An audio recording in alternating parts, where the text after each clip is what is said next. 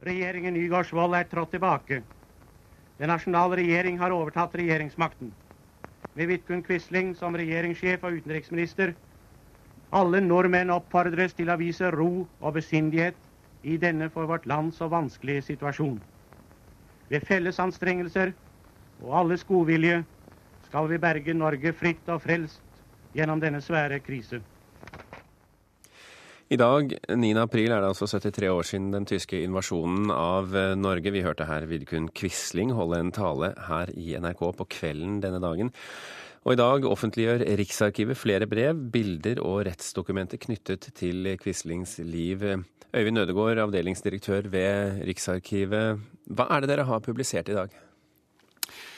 Vi har valgt ut fire relativt sentrale bolker som dokumenterer Quisling. Det ene er hele landssviksaken mot ham, som utgjør drøyt 3500 sider. Det andre er eh, hans syvende sanser fra 1922 til 44. Det utgjør et par tusen sider. Det tredje er at vi har saumfart alle våre arkiver og funnet fram til alle fotografier hvor Quisling er avbildet, og publisert dem som en samling på 524 fotografier. Og det siste er eh, det vi nylig har mottatt i gave fra Danmark. Eh, en samling på 54 familiebrev fra 1895 eh, til 1929, pluss tre karakterbøker var også med i det. Hvorfor akkurat dette? Vel, med vårslippene så ønsker vi å digitalisere og tilgjengeliggjøre eh, på nett eh, sentrale kilder fra andre verdenskrig. Så det er fjerde året på rad vi har et sånt vårslipp. Og vi har tidligere fokusert på alle regjeringsprotokoller fra øverste politisk nivå. Vi har hatt fokus på norske fanger, på norske jøder og en hel rekke andre sentrale kilder. Og i år følte vi at turen var kommet til Vidkun Quisling. Men hvorfor ikke bare eh, alt? Om Quisling? Uh, det er besnærende tanke. Det er nok et kapasitetsproblem, eh, først og fremst. Så det er ikke noe eh, motvilje i for seg? Nei, det kan godt tenkes at vi om en fem til ti år så vil vi være der at alt som omhandler Quisling er blitt uh, lagt ut. Men det dere har lagt ut nå, hva er nytt der?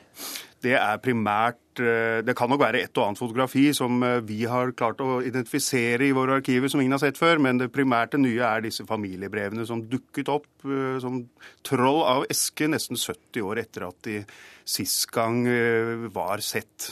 Men hva er det vi får vite ut av, ut av dette materialet?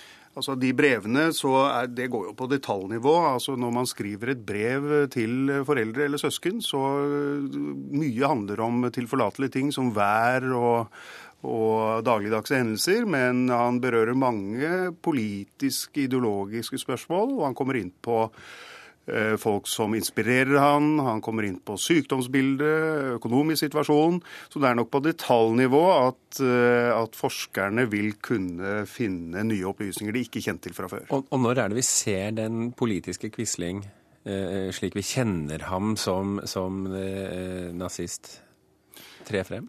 Ja, Nei, det tør ikke jeg riktig å uttale meg om. Men det er klart at når man leser disse brevene nå i ettertid med fasit i hånd, så å si, når man vet hva utgangen ble, så, så registrerer man jo at han, eh, når han eh, kommer på oppdrag i Russland, i Petrograd i 1918, at han der berører eh, temaer knyttet til jøder og bolsjeviker og slike ting, som, som i hvert fall har elementer av det vi kjenner igjen fra senere, senere tid. Hans Fredrik Dahl, eh, forfatter av dette tobindsverket, biografien om Vidkun Quisling. Quisling. Eh, hva forteller disse dokumentene deg, det du har eh, rukket å se i dag i hvert fall? Jo, det utdyper på detaljnivå og på personlig nivå de trekk som i og for seg er kjente, men som man får mer substans i av å lese så å si hans, i hans egne ord. Jeg, man kan feste seg med forskjellige ting, men jeg fester meg ved at uh, han meget tidlig, og nå snakker jeg om en allerede fra skolealderen, utviklet tanker om at han var en ener. Han var en ener. De andre, ja, de var, hadde tvilsom moral og tvilsom lyst til å lære. tvilsom, Ja, de var det helt litt tvilsomme. Slik at denne gutten sto fram for seg selv som en meget begavet og spesiell person. Var han det? Ja, og naturligvis var han det i noen grad. Uh, han sa til sin familie, det går frem av andre vever, at om søndagen ville jeg være prest, men hverdagen ville helst bli lege. Ja, han ville bli begge deler, han ville gjøre godt både sånn og slik. Um, og familien nikket og smilte til hverandre naturlig, sammen, så selvbevisst ungt med dem som det. Ja, så, så skrev han brev, i brevene sine som ung mann om, om sine karakterer. Det var, en veldig god karakter. Flink. Han var flink allerede fra første klasse. Så.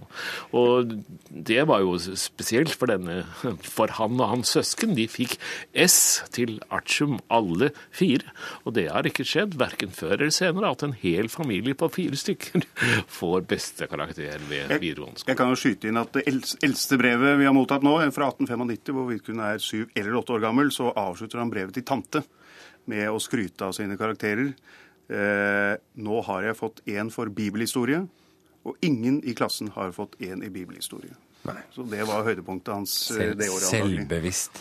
Eh, Dahl, hvor viktig er disse brevene og disse bildene som nå er sluppet i dag, for å forstå hvem Quisling var? Jo, du kan tenke deg at 500 fotografier som har forskjellig opphav. Noe er jo familiebilder tatt av hans meget fingrene og fotografisk flinke bror Jørgen. Så det er interessant. Det er blomsteringbilder, der ligger han i hengekøen, der sitter han i fluktstol, der plukker han blomster osv. Det er den snille, snille Quisling. Og så har du da NTBs og Deutsche Nachrichtenbüros bilder av hans besøk hos Hitler fra 1902 oppover og fremover, så var han jo hos mange ganger. Og det bildet av de håndtrykk mellom de to førere, det bærer jo en tungt og dystert alvor. ikke sant? Det er blanke bandolærer og høye støvler og mye skumle distinksjoner. Ja. Hvor viktige er disse dokumentene? Det er viktig. Det er nå lagt ut slik at alle kan se det og klikke seg inn og se det selv. Eh, noe som er veldig viktig, er jo dokumentene fra rettssaken mot Kvitsil. De jo, har jo vært kjent naturligvis blant historikere og, og, og, og, eksperter lenge. Men nå kan alle lese noe som alle vil ha glede av å lese, nemlig rettssaken og dokumentene som ble lagt fram i 1945. Øyvind Ødegaard, hva, hva forventer du av trafikk på sidene deres nå? Jeg tror ikke dette kommer til å utløse noen uh, trafikkproblemer, at serverne bryter sammen osv., som vi opplever når vi lanserer nye folketellinger f.eks.